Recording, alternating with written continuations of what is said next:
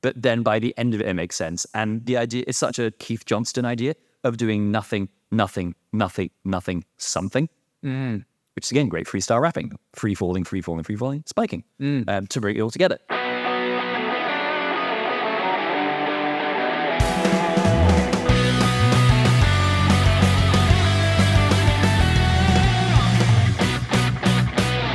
Naameh, also known as MC Hammersmith, is a multi award winning hip hop comedian. He writes and performs original hip hop comedy tracks and performs improvised freestyle rap comedy based on audience suggestions.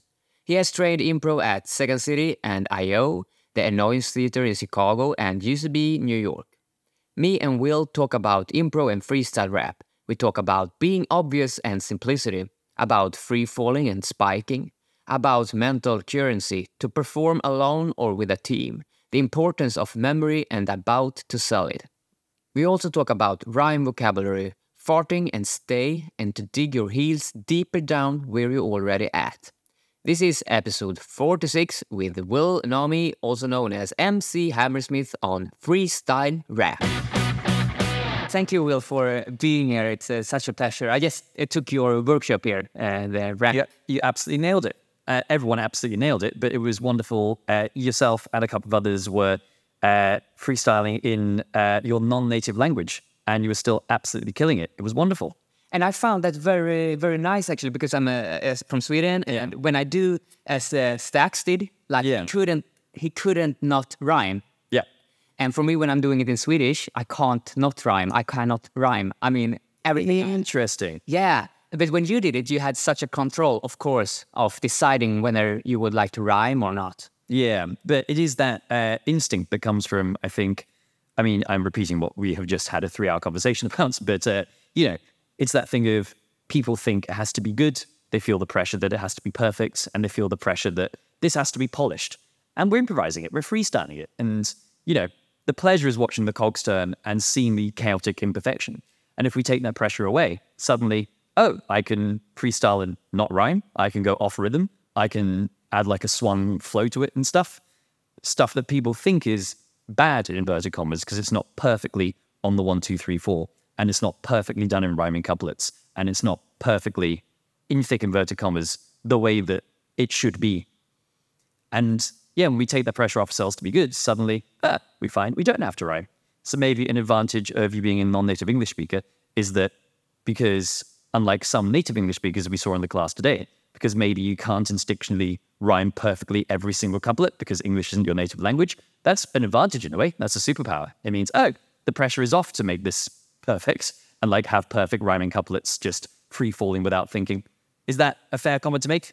Yeah, it's kind of like ignorance is a bliss. I wasn't going to say that, but I see what you mean. Yeah. a little bit that way. it's like, yes, but I mean, your rapping English is much better than my rapping in Swedish, I'm sure.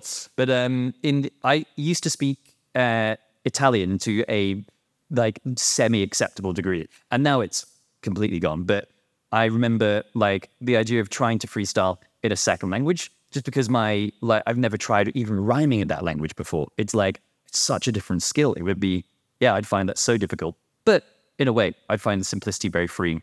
Because again, as with all good improv, all good freestyling, starting from a place of obviousness and simplicity is really the the golden ticket, right? Right, and you had these two concepts uh, that I found any- anyway very helpful, like to divide uh, your uh, style of rapping or how you can rap. Yeah. Can can you walk uh, me through them again? Yeah, so there's uh, free fall and spiking is what I call them. Um, I think other people have used the terms like cascading and lily padding, but I think they're basically the same thing. And I, I've heard spotting as well. Oh, spotting. Yeah, I've heard filler and killer as well. Yeah, I've heard forwards rhyming and backwards rhyming. I guess it all makes sense. I've heard uh, free fall just described as a stream of consciousness like thoughts. Um, we saw a video example of Christopher Jackson from Freestyle Love Supreme, who's a brilliant free faller when he freestyles. I mean, he's just incredible how you can stay on one stream of consciousness thoughts, tell a story, and it may not necessarily rhyme perfectly every couplet. There might be internal rhyme, there might be repetition, but rhyming isn't the priority. It's telling a story and flowing constantly is the priority. The reverse of that is spiking, which is a term borrowed from volleyball, which is you set up to then spike or slam it over the net, uh, which is where if I was spiking the word microphone, because I can see the word microphone is in front of me, can see the mics there, I would say, Um, I'm the greatest rapper straight off the dome, and in front of me is a black microphone. And that's spiking it. Um, whereas free falling it is starting with the word microphone and or the idea, and then just uh, patterning off it. Like, there is a microphone in front of me, and I don't have to rhyme, and that's really cool. If I wanted to rhyme, that'd be great, and I could rhyme now. That would be a mistake, but conversely, that's a rhyme. And now I'm just talking about making mistakes and also thinking out loud again. It doesn't have to rhyme. If it doesn't rhyme, that is okay. Right? Yeah. Um, so it's this idea of control versus looseness.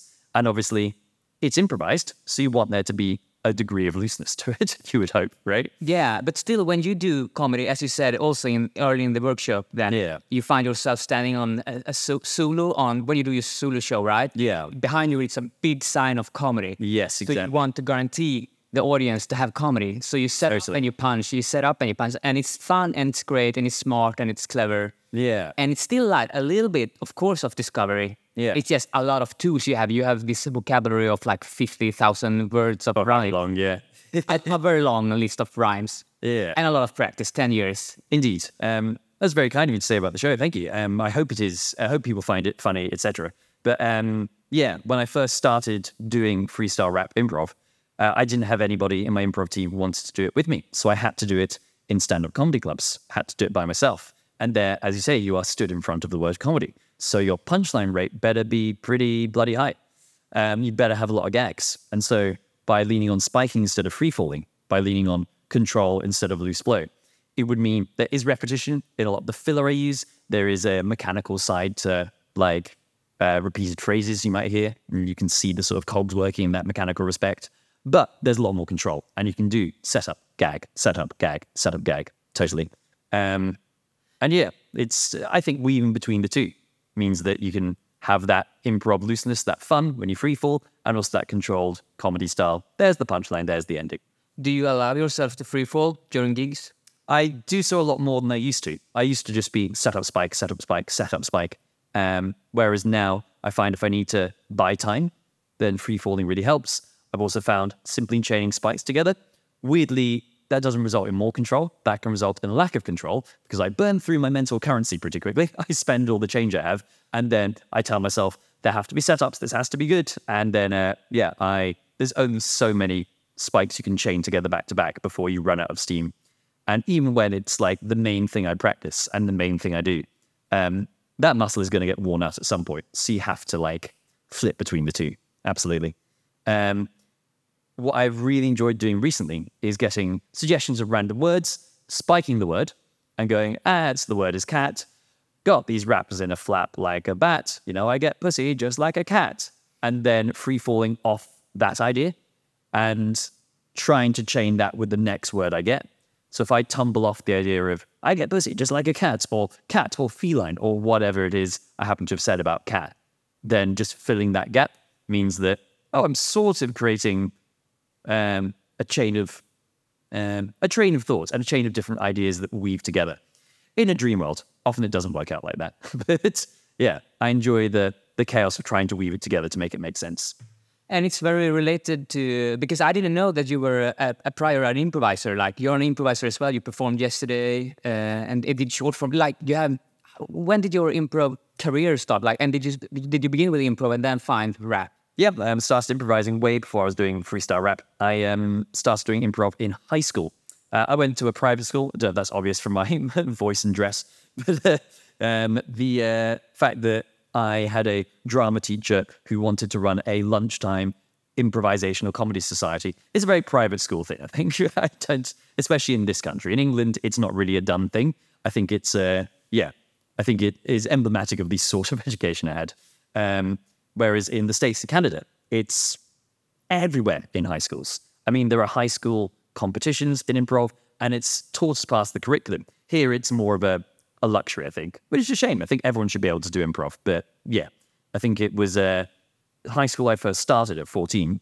There was a teacher who um, taught us like very basic short form games, and I was not very good. I mean, I was terrible because I was a 14 year old boy. I didn't have any emotional intelligence or life experience. Um, but then when I came to university and started doing it there, I think I had a tiny foundation to sort of know the the very basics of how of how it's done. I got into a um, into a team with a bunch of people who some had done Second City, some were complete beginners, and were sort of coached by the guy who had done Second City, um, which is big improv theatre in the states. Who?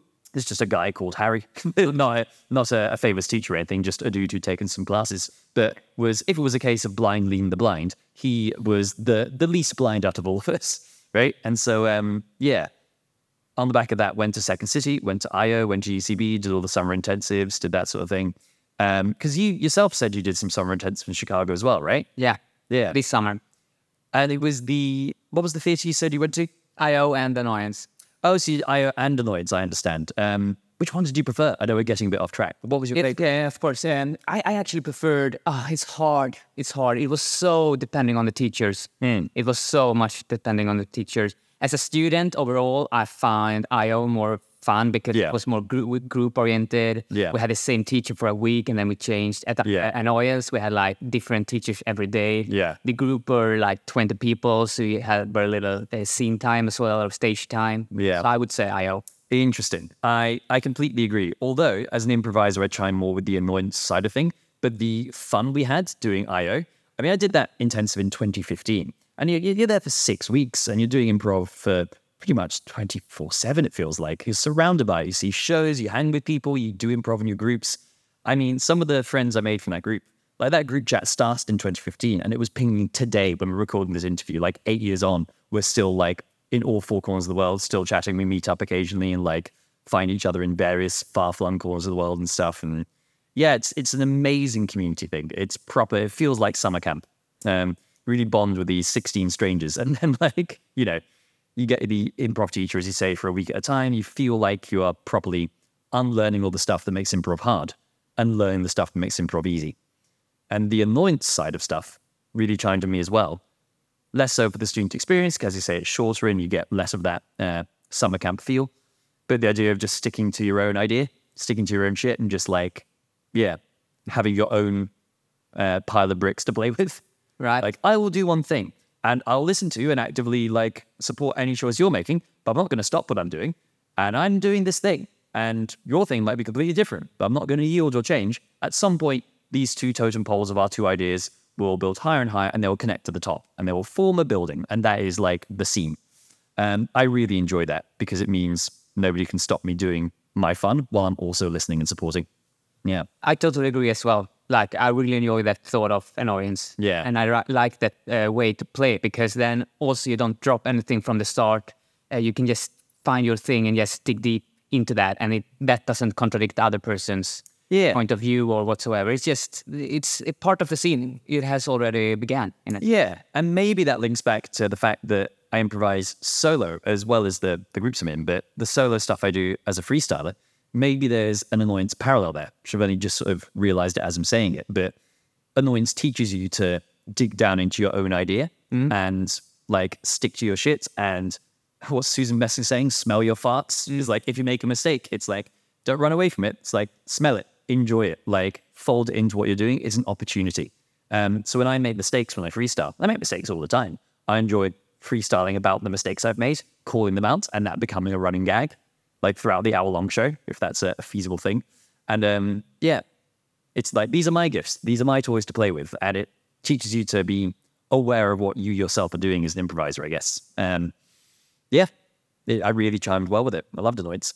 How uh, would you say that your uh, uh, rap? Because you really have done like a career in rapping. That's your full time work, and uh, I think I found you before, like on Instagram or since. Oh, really? Uh, yeah, or Oh, YouTube or TikTok or. Thank you for consuming the content, as the kids say. Yeah, yeah, no, and it's a great content as well. And you're very skilled at it. So I'm just glad that you are an improviser in the but I take pride in it. Uh, thank you, man. Yeah, it's uh, improvisers is definitely the tribe, right? I love when I find comedians as well that started in improv, and the fact that they still do improv. I'm like, yes, this is amazing. Um, like you get it, you understand it, Yeah. Right, right. You've uh, you both you've done the Harold. You've suffered through doing bar prov. You have like you've tried to do group games and just failed, and you've been through the the the shit side of it. And then yeah, now they're doing comedy and they're on TV. They're probably at the point where you're at the good side of it now, where you like we have this shared language, this shared community, and it means anybody can do shows with anyone, and it's still a wonderful like yeah community spirit to the whole thing.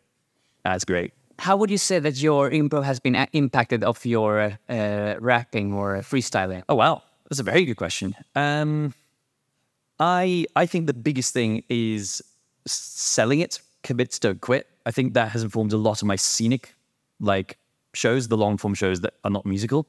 I think if you are ever in your head in a scenic show, maybe you'll have had this feeling as well. You were like, oh god, uh, well at least I can pass the ball to my teammates. At least I can like, um, at least they can figure it out for me. But when you're up there alone and you're improvising for an hour, and all you have is rhymes, and maybe you feel in your head at some point, and there's nobody else to pass the ball to. Another Susan Messing saying, I believe, um, which is like, it's not just enough to commit, you have to recommit. You have to dig deep into the ground. You have to dig your heels down and just keep doing the thing you started doing. And I think it really taught me like when I'm rapping, if I feel like ah, I'm not really getting to the point, the rhyme has escaped me, the punchline's flows away, what I will tend to do is I will move my body, start doubling down, and get back into it. And I'll even sometimes, if it's a single like instrumental track that isn't looping, I will drag the track backwards and go, no, wait until I get to the point. And then I'm like, you're here to listen to the thing I have to say, and I'm going to get to the point, and I'm not going to pussy out of it or just let the track run up and go, ta da. I will dig deep into the one idea I have. And I found that doing long form shows now with people, I find that if whatever whatever reason I'm in my head, I will dig down into one idea that is mine and mine alone, and I will keep digging it until I find like the heightening move for the game, or I find the um, the emotional truth of the relationship that we're trying to get at, or the point I'm trying to make. Um, yeah, it has definitely taught me to commit because when you're up there and it's just yourself, no one's gonna fucking help you. yeah, Has it impacted you in a, in a bad way? I don't think so. Um, I think the only thing I've noticed is I think the only downside to it is I do a show called Spontaneous Potter, which is an improvised Harry Potter show for adults and tours the UK. And um, there, like, I'm in it with my best mates. When you tour around the UK, it's like this is a community thing. And even if a show, I don't think I've had a bad show for a while, I have to say. But if a show is like a three star show, if a show is like, oh, we, we felt a bit heady, and even if it's not a three star show overall, if it's three stars for our own performance, if one of us feels eh, this was a bit sticky and iffy and I, I didn't feel like I brought my best gig or whatever, at least you're like, eh, we get to have a beer afterwards and we get to chill and play games and enjoy it. Whereas I feel on the road alone, I have noticed, ah, this is definitely what stand up comedians feel like, which is like going from hotel to hotel, feeling like there is nobody to bounce off on stage. It's a shame. Which is why, like, if there's any bad side to doing it solo, is like, yeah, I don't get to have as much fun with my mates as if this were a group thing.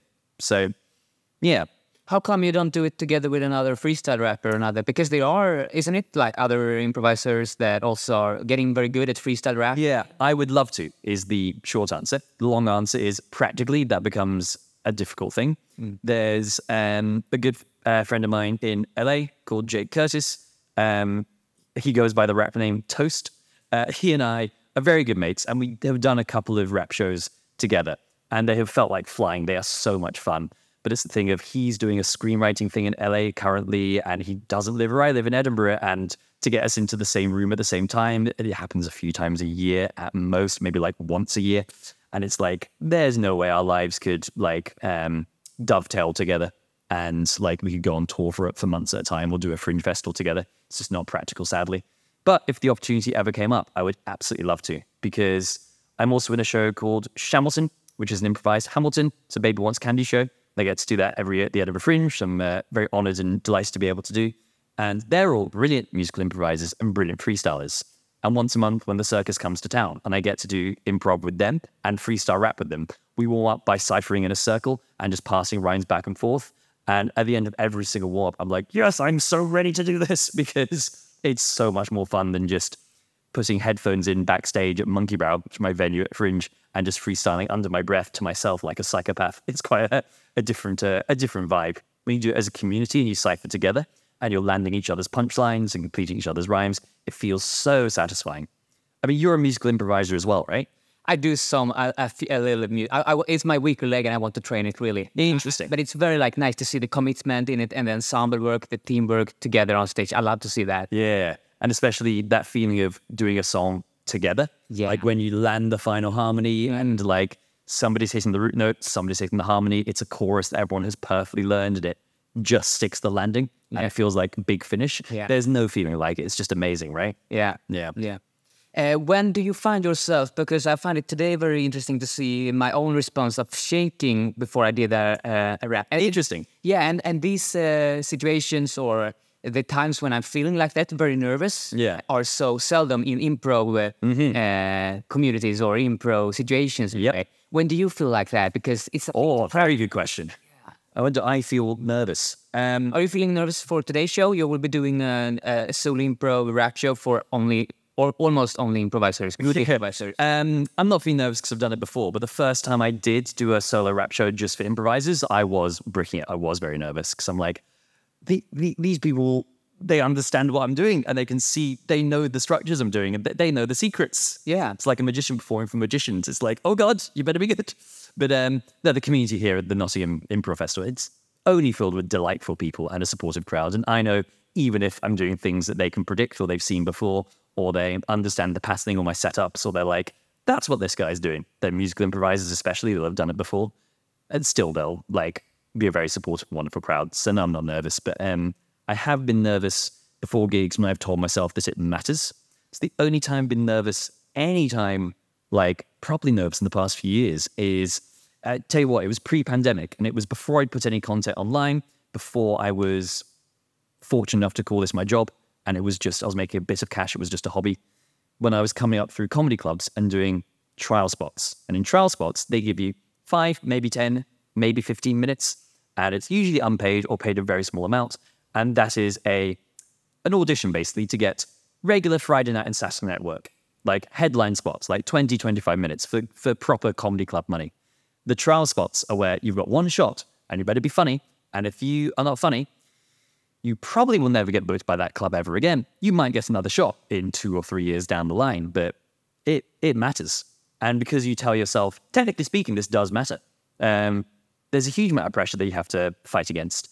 So yeah, that's I can remember being backstage at the Glee Club, which is a big chain of clubs um, in the UK, for my trial spot ages ago, thinking, oh fuck, if I if I mess this up, this could be really bad. I will cut myself off from a lot of potential work and money because it's an audition. And you know, the opportunity to do this only comes around once every few years if you're lucky enough. Um, I think that's the only time I've got nervous when you tell yourself it has to be good and it matters, which is a perfect improv parallel. When we're sat there about to freestyle rap, as you were saying, the shaking that happens beforehand, people tell themselves, this has to rhyme, this has to be good, this has to make sense, this has to be perfect. Because we know what actual hip hop and actual rap music sounds like, and we think it has to be a perfect bar for bar replication of that. We think it has to be in rhyming couplets, and the rhymes have to land on the fourth beat of every line. And it ha- and sometimes we have to flow into triplets, and my metaphors and similes have to make sense. Of course, we're improvising, and yeah, have to. Um, but it's the exact same uh, place the pressure comes from. We tell ourselves that it has to be good and it matters. And as with anything, when there's tension and a pressure for quality, then life becomes so hard. When we tell ourselves, I want to have fun and I want to relax and I want to have a good time, then things become easy. So that's, I like to think, the state I'm in before gigs, right? I go out and I'm like, I want to have fun. Is that like a state that you find yourself in before you do shows? Or are you nervous before every gig?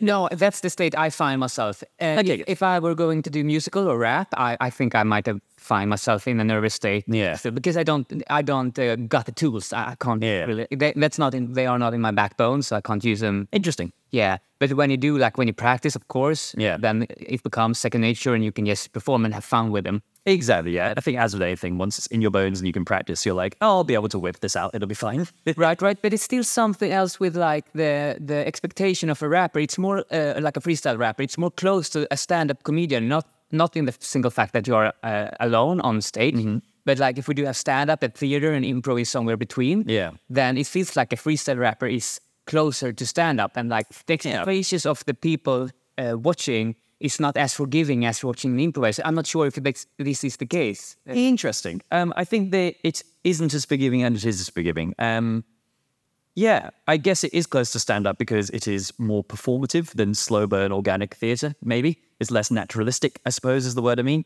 because like nobody freestyle raps socially in real life, like apart from me irritatingly when I was first starting, trying to get my friends to listen to me. Tell me, is this good? Help me get better.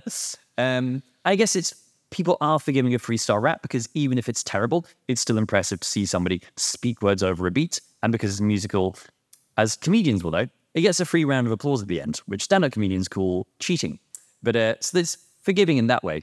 But in another way, I see it's less forgiving because there's nowhere to hide. It's just you by yourself. And like, yeah, you can't go slowly necessarily. You can't do that improv theatrical TJ and Dave thing of just looking into somebody's eyes for a minute like, Yeah. and just taking your time with it. There's a beat, and you've you've probably got to speak on beat realistically.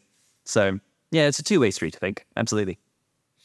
Yeah. When you define yourself in, I'm, I'm, I'm dragging us back to this about commitment uh, Yeah. in the in the spot because that's something that you said that you really bring with you from all the rapping. Yeah. But to commit is when it looks dumb, do it more. Like when you feel stupid, do it more. Yes, yes. When you're wrong, do make it strong and these Mm-hmm. ki- kind of things. And I, I can think that when you are rapping, you're very safe and secure, like in your, your because you have done it so a lot. Um, I, in most of the time, yeah. There are still times I get in my head, as any freestyler, any improviser will do. But yeah, most of the time, yeah, I think I'm in a neutral headspace. Totally.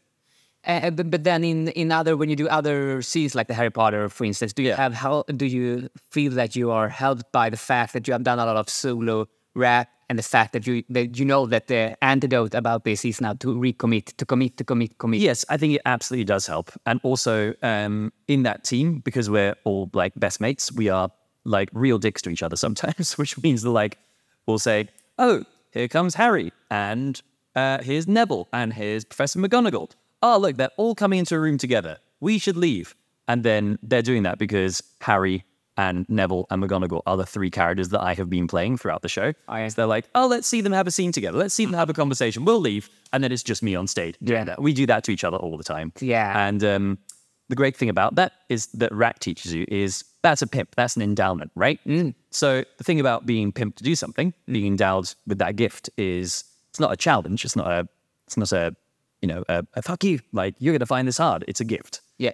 Thing is, if you, um, if you commit to it and you absolutely nail it, and you do every voice perfectly, every character you remember everything, and it goes flawlessly, you get a huge round of applause. If you commit to it and you mess up everything, and you can't remember which character you played, and you uh, you fuck up the which characters you're playing, the order, the voices, but you still commit, and it looks like you're having fun, you get a huge round of applause. It's a win-win situation for commitment. The only, thing, the only time when it doesn't work is uh, when you shit face. Have you heard the term shit facing? Yeah. Yeah. Just like, I, I love it as a term, just showing the audience you're having a shit time, going facially. If you shit face your way through an endowment or a pimp or, yeah, a challenge of a gift of that kind, then the audience are going to, they'll smell blood and they will feel very uncomfortable for you. They'll feel embarrassed for you. Um, and that's the big, like, whenever I take friends to improv who've never seen it before, they're like, oh, the secondhand embarrassment I feel. Because what if it goes wrong for them? I just feel so nervous and stressed watching it. If you come out cool and confident and collected, no one's going to feel nervous. They'll have a good time. You just can't let that infect the front row, right? Yeah, Yeah. yeah, yeah, definitely. Yeah, I. Uh, what was the question? Uh, uh, I can also edit this out, Will, so it's no no, that's fine. Then. worries. And also, if you say something that you don't want to put in the podcast, I will edit. Oh, I've not, I've not cancelled myself. Yes, it's absolutely fine. Thank you. Uh, it was. Um, yeah, I've noticed when I because I practiced in uh, rap, freestyle rap on my own in Swedish uh, with the anabolic beat uh, beats on uh, Spotify, for Yeah. instance, and and these kind of things, and also going right a rhyme schedule or a rhyme uh, scheme. Whereas you said like spotting things in the nature or when I'm taking a walk, and if Yeah. I struck a word that I don't find a rhyme for, I just check it out immediately, Yeah. write it down, and I, I go run through like glossaries in a Perfect. Yeah. yeah. Uh, but what I, what I found really helps me in my ordinary improv, like because of the rap, is Yeah. uh, the phrase moving forward by looking backwards. Yes. Getting callbacks, making connection. Oh, yeah. Like also having a perspective point of view on it because it's Yeah. really uh, practice the muscle of uh, doing th- things simultaneously, as we did in the practice when we had to free fall and you show us a word, you, sh- you showed us a word, Yeah. and then we were, we were going to spike that word. Yeah. So I'm just talking shit. It doesn't matter. It doesn't matter because the spike will come eventually. Exactly. Right. so there's two really like brilliant points there, I think. First of all, the one of like the, most recent one you said, like of just doing anything until the punchline comes, just like being neutral and chill and relaxed. That really helps. Just like until the the rhyming word comes, getting to that headspace, knowing even if this is bad, the punchline's coming. It doesn't really matter what I say. Um, so just knowing that it will pay off at the end and being relaxed is really good. Uh, the other good thing of looking forwards by looking backwards um, to find the answers and what's already happened rather than what I'm going to say takes the pressure off, right? And there are stand up comedians that are very good at this, especially when they do crowd work. The way that they do crowd work and they compare is they don't really think, how do I be funny? Make this as funny as possible. Come on, be funny. All they're doing is they're being obvious. And then once they have found, as they're progressing along the necklace, beads of comedy and humorous moments and fun, unusual things, all they do towards the end of their set is they call it back. And like, if they are ever in a rut, they don't know what to say, they'll Rolodex through their options of callbacks. It's exactly the same doing long form improv. You'll know, have you done narrative shows? Yeah. Yeah. Well, you'll know exactly. Like, if the narrative show is an hour, you create 45 minutes. In the last 15, roughly speaking, you call everything back. Ah, there's a question mark. Who's done the murder? Uh, why was this thing like this? What's happening in with this character? We never resolved this. The answer is going to be in a callback. We don't know how, but if we smash it together, then it probably makes sense. We don't know who's done the murder. The postman who walked on in scene two and then immediately left, we've not used him like uh, since he first came on. So now he's probably very, very important. We don't know why, but he's probably the murderer. So let's just say he is and then justify it. Um, and it's the same with freestyling. If I'm rapping with random words and I have like six minutes to freestyle, towards the end, I will start connecting the words that come up to things I've already said. And by looking backwards, because that's where the answers are. Obviously. Obviously, we know this as improvisers, but yeah, when people say, it's just magic, how do you know those things would connect? It's like, it's not magic. I just remembered something. Yeah, it's a lot about mem- remembering and also like uh, sitting in the unknown and be patient. yes. Uh, and I think being patient is something that I work on right now a lot. Like, Yeah. not not the urge to justify it immediately, to linger on it because the payoff gets bigger. Indeed. You manage to do that, and I find that to freestyle rap helps that as well. Yet I also find when I do performance, when I perform improvised rap, I, I really like to do kick it because it's secure in a sense. I can just do some bars, Yeah. and I'm done. The- So kick it is uh, scene into a rap. Is that right? Yeah. Uh, so in normal scene, somebody shouts kick it and then you start rapping. Yeah. Yeah, I love that. and then someone uh, shouts uh, a word and then you start speaking again. So Yeah. just a few bars. But however, if you do like a, a, a full length, like a three, four minutes rap, Yeah. some I, I haven't managed to do, to do that yet. Interesting. Um, have you done it in practice rather than on stage? I've done it uh, a lot in practice, but Yeah. but I'm losing the thread. I'm going too like Ah. far away. I so I don't know. Maybe I haven't managed to like maybe get a, a good chorus or something that. What's what's a good like rap chorus like? Or, Uh, a, a good rap chorus is just the simplest thing possible, as with any musical improv chorus, right? As long as it's like uh, a maximum five or six words, I was always taught. Maximum five or six words, repeat it. Like A, A, B, A, A, A, A, A, or just some sort of really simple, obvious chorus structure. I mean, I I found a good exercise to try and give myself a three, four minute rap on one topic is I will pick an object in my hands like a plug and I'll rap about that plug for four minutes. And I always find, as TJ and Dave says, like there's always more information just by looking at your partner. Weirdly, there is always more information if I look at this plug. So it's not just enough to say, Ah, that's right. I'm so eclectic. Like a plug, my rhymes are electric. And yo, I'ma take it. These rhymes are so tight. I'm like the back of this plug. I'm square and I'm white. It's not enough to like say the two punchlines I might sort of have pre-banked anyway.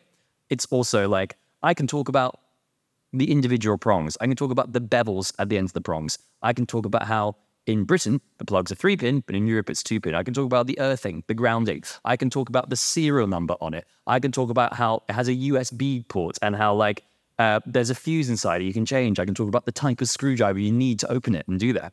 And then when I tell myself there is always more to rap about by being more and more micro specific, suddenly I find, oh, I don't need a suggestion. I'm, I'm, I'm just taking 20 different suggestions from the plug itself.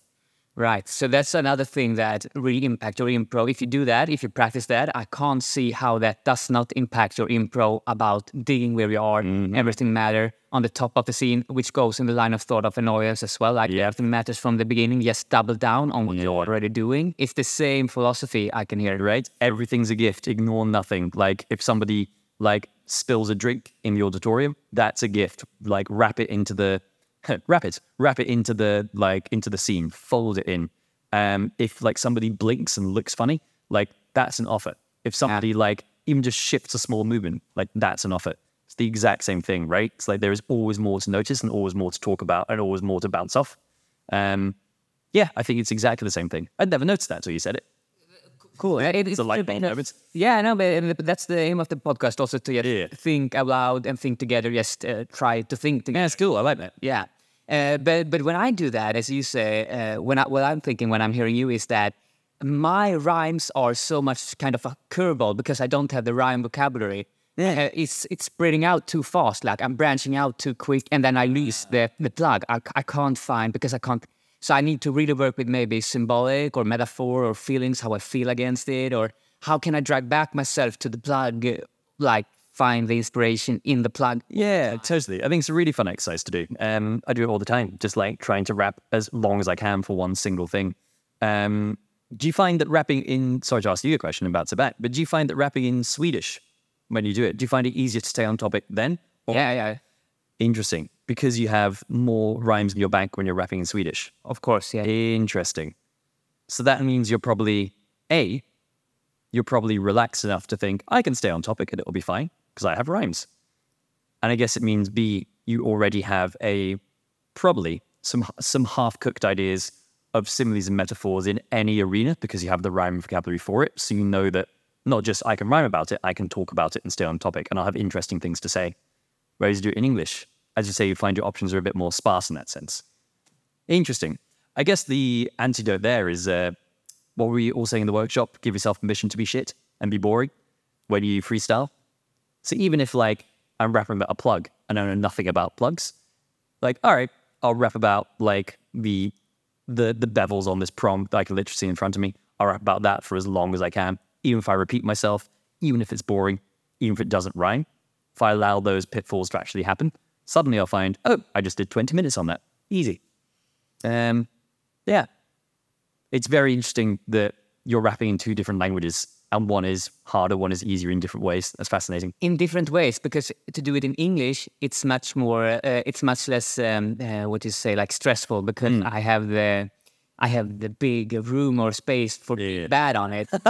in Swedish, I feel the pressure, Interesting. and uh, it's a much more balanced. Like it can go to, it can be really shitty sometimes, Yeah. uh, and the rhymes can really suck. But then, as you said, like recommit and and have fun failure. Failing, and then the audience will love it anyway. Yeah. really. Uh, just, what, what did you say? Also, phrase like s- commit and sell it, like sell it as hard as. Oh, showbiz ending. Yeah, stick the landing. Yeah, yeah, stick, sell it. yeah. Absolutely. I've got another question for you about about rapping in Swedish, if you don't mind me picking your braids. Oh no, of Which course. is um, Right. the something that's really helped up my rhyming vocabulary is listening to hip hop and rap music in English. Mm. I go, oh, I can. I these are some of my favorite rap tracks, and I've learned some pretty complicated rhymes based off of it, or like some tropes of rapping, some different flows, that sort of thing. Is there a lot of Swedish hip hop, and do you listen to that? And does that inspire you in any way? Since I started to freestyle rap, Yeah. I did for like two years ago, and I've done it. I've done it in like in periods, so Yeah. like maybe two months in a row, every one hour a day when I took a walk, for Yeah. instance. And then I started to listen to uh, some Swedish uh, hip hop, which Yeah. definitely exists. Yeah. Uh, and also some uh, American or like English uh, speaking Yeah. uh, uh, hip hop as well. Yeah. Uh, so the Swedish uh, hip hop uh, increases your um, bank of rhymes in Swedish. Yeah, Fascinating. But I do still do find that the best way to increase your vocabulary, rhyme vocabulary, is to like actually think of words uh, or like see stuff to rap, rap about and Yes. then find out the rhymes for them. Oh yeah, if you um, teach yourself and go through the rigmarole of going, oh, I, I messed up here. Let me stop, as you were saying earlier. Write the rhymes down. Actually think them. You'll learn them so much quicker than just yeah hearing them on a track or going to rhymezone.com. but it's something that I really take with me because I didn't listen to hip hop before. I freestyle like a little bit, yet very well a little. It's still like the attitude of Yeah. rapping. We didn't talk about that so much today, like the how to. Oh, the confidence, the selling it. Yeah. we talked about that a lot but also yeah the how how are we supposed to like and should you mimic how people rap on stage or I see. And well, to go back to something you said earlier, like um, outside the podcast, it's like if we lazily um, take stereotypes of hip hop and appropriate them for our own convenience, that's appropriation. That's not cool. So if I come on wearing sunglasses, a gold chain, and I rap really badly off rhythm. And just my the point I'm trying to make is rap is crap, and that sort of hack nonsense. It's that's not helpful for anybody, and that's you know that's literally appropriation. It's um, that doesn't come from a place of love. If you do it from a place of love and commit in the way that you would commit to things, and you would like the way that you would shout, the way that you would move, and the way that you would um, sell something on stage, I think is absolutely fine. I think that's just speaking authentically. I mean, I'm quite a feeble, weedy, privately educated guy. The way that I find in non freestyled improv, I sell things is by like shouting very loudly, looking very angry, and still managing to look unthreatening because like I'm so skinny and like uh, not particularly physically strong. But I find that rapping in the same way with all the aggression that I can channel from the times in my life when I have been aggressive, like or shouted or like felt angry, I guess, and channeling that, but not in a way that mimics the hip hop I've heard, in a way that is the way I would do it. A, it's more authentic, it's easier, it's not appropriating anything. But B, like it's quite funny because I'm so unthreatening when I shout anyway that like I'm selling something with all this commitment and it's so it feels so cool and yet it looks so uncool at the same time. And uh, that's where the comedy is, right? Yeah, that's the contrasting is very comedic. Exactly. Yeah, yeah, yeah. Yeah, yeah. Which is why this sort of like the voice that I have, it's a very posh middle class English accent. There's not a lot of hip hop done in this voice for good reason. Uh, like nobody would take you seriously. But it's great for comedy rap because I can rap about how either I'm going to murder rappers, how I'm the best in the world, and how like how sick everything I do is, and that's still like so unbelievable. It's funny. Or I could talk about how pathetic and feeble I am, and how like you know how I have social anxiety, and how I don't like to go to house parties and things like that. I can rap about my own pathetic truths, which are correct and true. It's like, oh, there's a lot of comedy there as well. Yeah. Just being honest. So it's fun win-win. either way, Yeah, exactly. Um, as long as it's authentic and true, right? it comes from a place of love. Absolutely. Well, do you do you teach uh, improv? Yes, um, I've been teaching improv since way before I was teaching freestyle rap. I don't so much anymore because I'm lucky enough that I do so much live performing. There's not a lot, not a huge amount of time, but I love teaching at festivals when I get the opportunity to combine the two. Um, um, a bit. Oh, no, you get. Yeah, because uh, aren't you afraid? Because uh, it's like that you are only will. Because I didn't know you were an improviser as I saw you in the on the top of the conversation, but you are, and you are prior. You're an Yeah. improviser, right? So you you know a lot of you have done the intensive, and, uh, and I Yeah. imagine you have a lot of knowledge about regular regular regular regular, regular. Yeah, yeah, yeah, yes, yes, yes. uh, as well. Uh, Yeah. So uh, are you like as Harry Potter, for instance? Uh, then Yeah. I read it. He's Harry Potter. Still, he's like a lot of other characters. But is it similar to you? Like you have you become the rapper, Who's improv rapper? Um, no, I mean very, very, very occasionally at the Edinburgh Fringe Festival, where people see multiple shows that you're in. Sometimes people will suggest like MC Hammersmith or do it as a rap, and um, if that is once in a blue moon, I'm fine with it. My team are fine with it. If it was every show, that's something they would find a way to negotiate around it. But no, like I never feel like the two are in disharmony. I mean, there are very, very like um, successful like character actors, for instance, that do improv. Like like Lutz from 30 Rock. I saw him in UCB a while ago and I didn't know he did improv. Um, and we were doing like a show back to back with each other. And I don't think in that show anybody was saying, do lots of stuff just because that's what he's known for. I think people have, if they've paid to see an improv show, they want to see scenic improv, you know? Um, yeah. I, I like to think the two will always exist in good harmony. It's never been a problem so far.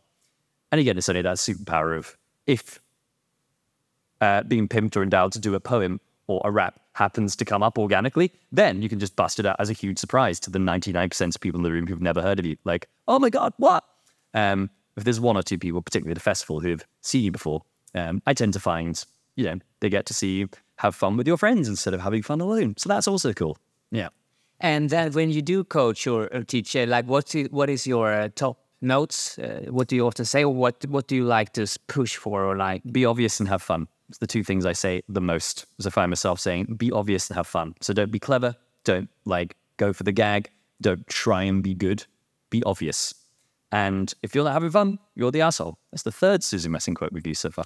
like, um, I think people overcomplicate their scenes so much by trying to put so much architecture at the top of it, trying to be funny, and they get stuck because they think, I don't know what to say and I don't know what to do. And they look forwards instead of backwards, as we were saying earlier. Whereas if they, instead of thinking, instead of setting out in the mindset of going, I have to do this well, and this has to be funny, and this has to be a perfect premise, and everybody has to do the thing that I need them to do. If instead they went out of the doctor scene and went, I'm going to be obvious and have fun, ah, every scene would be so much easier if they went out with that in their heads instead. And it's a pleasure to coach, um, Paige is the term, intermediate improviser, somebody who's maybe a year in, two years in, who like, you know, they've done a few Harolds and a few long form shows, but maybe they're not doing it regularly and they're really looking to up their game and they find a lot of sticking points in their performances. I really love just simplifying things in their heads by going, the reason why this is difficult is you are putting your own mental gymnastics in the way. The reason why you're finding it difficult is you're being too clever, you're being too fast. Whereas if you just responded to your scene partner's offer like a human being in a fun way instead of in a clever or funny way, then you would be having such an easier time. So I love getting to see that transformation in people. Them going, oh, I don't have to try. I should just respond like a human being. Because it's the same process I went through as an improviser. Oh, because I, I started doing short form stuff at high school where it was very male and competitive. It was always be funny, do this, be clever. And getting to unpack that, like be obvious, have fun, was such a welcome antidote to the stuff that I thought you had to do at the beginning. Yeah. Right, because my my question was going to be like, why do we do that? Why aren't we just being obvious and having fun? And then I can trace it back to like Yeah. short form game. Then Yeah. And also, when we do improv, people have paid to see comedy, they think. Probably, Yeah. right? They probably haven't paid to see theatre or drama, typically in the way improv is sold and marketed. So, because we as improvisers think, oh, they paid to see a comedy show, I better be, I better be good, I better be funny. People run out of patience. They get spooked when they haven't had a laugh for 20 seconds.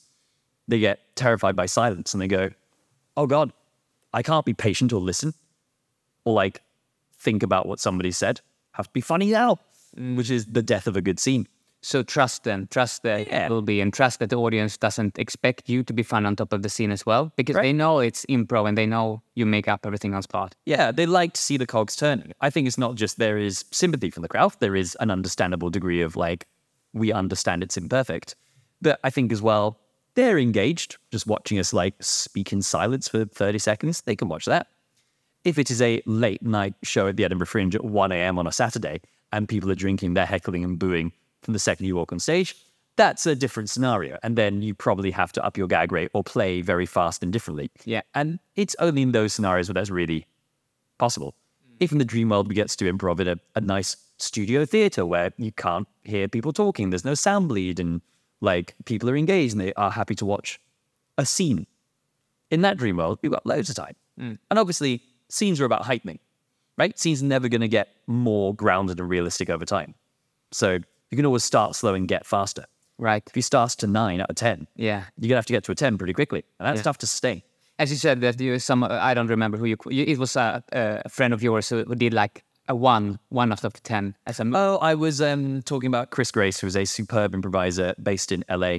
And he is so laconic in so many things that he does, and that he will come on not without a huge amount of physical movement, without a huge amount of like um, um, emotional like um, commitment is absolutely the wrong word, but emotional volume. What he's saying, he will listen and respond, and he will come on and just do an offer that is a two out of ten in terms of energetic intensity. I think that's what I mean, and then. That means that when he starts at that level, when he gets to a four or a five, people lose their minds.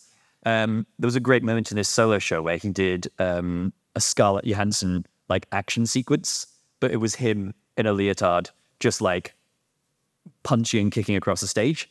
It's a parody of what she does in the film The Avengers, but he, instead of like doing multiple backflips and like you know kicking up walls and drop kicking like assassins and stuff, he is just walking forwards, pausing, singular punch, pause, step forward, singular kick, pause, and then towards the end when he spun around and did a spinning kick.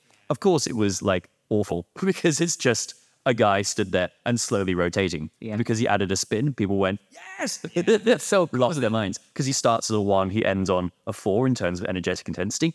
That means if he ever has to bring an eight or nine or a 10, it can, it can be an eight or nine or a 10. It can have that impact and effect. Yeah. And I think it's uh, the sort of improv I would, uh, yeah, I should start at that level a lot more often. He's a perfect example of it. Absolutely. And if you are, if you have seen a show that you really enjoy watching, what did the improvisers did uh, do that you like? What skills did they use? You know what? What? When you said think of a show you've enjoyed watching, and I had my mind immediately went to a show I saw in Uppsala, in at the Swim International Improv Festival. Like, yeah. uh, 2017, I was there. Okay.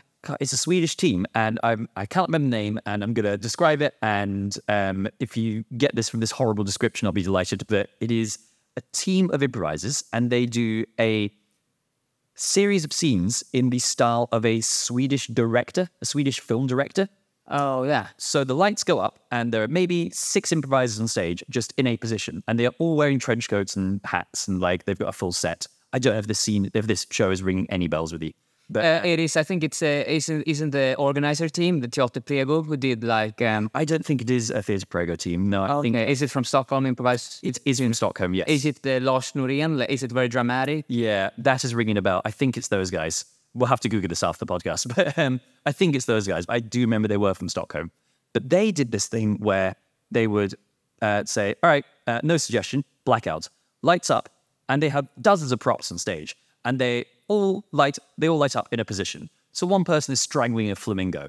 One woman is lying face down on a table. One guy is just standing in the corner holding a gun. Like another woman is like squatting down like a monkey with her hat leg raised above her head, and none of them making eye contact. And then all they do is they stay like that for not even joking, like five minutes. So each scene is like that. They stay in those positions for five minutes and they just look around and they look at what they've got and they think, how do we justify this? Oh, So the first minute is they just stay completely still inside in these weird positions. And then suddenly, somebody steps forward, and that has so much power when somebody breaks out that image because nothing's happened. Mm. She steps out of that image, turns to a scene partner, slaps him fully across the face, and then walks back slowly and stands there. And then it's like, okay, we are in this context, we don't know what's going on. One offer has happened to try and make sense of this. She probably doesn't know why she slapped that guy, but it's we have two clues then to like try and figure this out. And then maybe three or more things happen by the end of it. And by the sixth move, the entire scene makes perfect sense. And you're like, and like they may not have even said anything. But then by the end of it, it makes sense. And the idea is such a Keith Johnstone idea of doing nothing, nothing, nothing, nothing, something, which is again great freestyle rapping, free falling, free falling, free falling, spiking um, to bring it all together. Um, I like shows where they they do nothing, but they make every detail so important. Um, yeah, I just love like every detail is important.